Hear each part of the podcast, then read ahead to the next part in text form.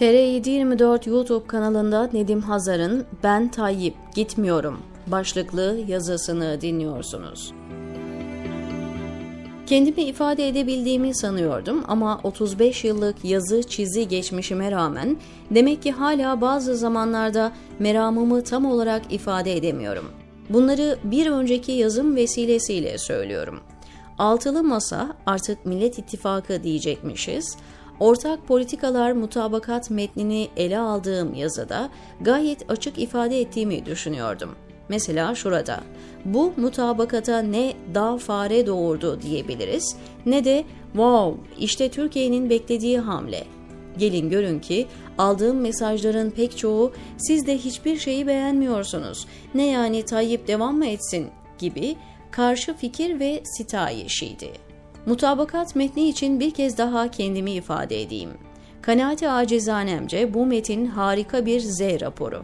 Yani Tayyip Erdoğan'ın şahsıyla beraber siyasal İslam'ın bir ülkeyi nasıl tarumar ettiğinin yazılı özeti. Daha fazlası değil, çok çalışılmış ve 2300 tane cerahat tespit edilmiş. Bu metne göre Türkiye Cumhuriyeti adeta can çekişiyor. Mesela bu bir reform metni değil. Hele hele umut pompalayan politikaların sıradanlığı bir metin hiç değil. Aksine pek çok açıdan siyasal İslamcıların duruşundan milim farkı olmayan alabildiğince statükocu bir metin. Hemen celallenmeyin, örneklendireceğim. Mesela 200 küsür sayfalık metinde mağduriyetler ya üstün körü geçiştirilmiş ya hiç görmezden gelinmiş. Sebebini de geçen gün yazdım. Tayyip Erdoğan korkusu. Ülkedeki haksızlık, hukuksuzluk, işkence hakkında dişe dokunur tek şeyi söyleyemeyen Metin, işi gücü bırakıp popülizmin dibine dibine vurmuş adeta. Filistin meselesini üç yerde geçiriyor. Daha ülkeyi soktukları Suriye bataklığının hesabını vermeyen Ahmet Davutoğlu ve ekibinin metazorisiyle girdiğini düşündüğüm İsrail-Filistin meselesinde de sade suya tirit klişeler kullanılmış. KHK mağdurları ile ilgili kulağının üstüne yatan 6 parti terörden de cemaati anladığını kayda geçirmiş. Buyurun size bir Erdoğan gölgesi daha. Tam 30 yerde terör meselesine değinirken IŞİD'in PKK'nın bir kez bile geçmemesi, statükoculuğun Millet İttifakı kazanması durumunda da devam edeceğinin ispatı adeta. Evet şunu rahatlıkla söyleyebilirim. Mutabakat metni başta İyi Parti ve CHP gibi AKP iktidarından zerre farkı olmayan statükocuların elinde bulunanların Tayyip Erdoğanlaşacaklarının kanıtı olarak tarihe geçmiş bulunuyor. Metni hazırlayanlar zannediyor ki bütün mesele Türkiye'yi 10 yıl öncesine döndürmek. Yahu bu ülkenin demokrasisi, özgürlükleri 10 yıl önce de mükemmel değildi ki.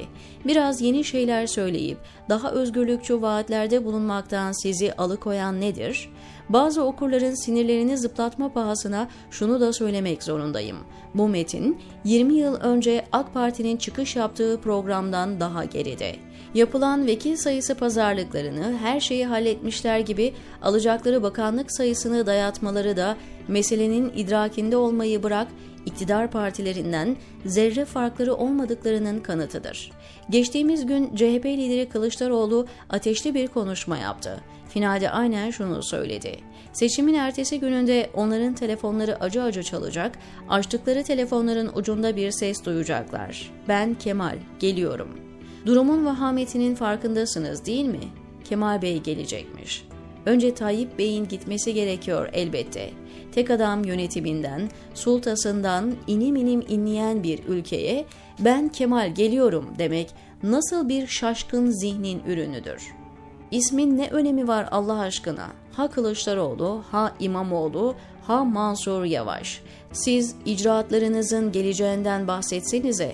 Kürsüye çıkıp ben hukuk geliyorum demek hiç mi aklınıza gelmiyor? Ben özgürlükler geliyorum.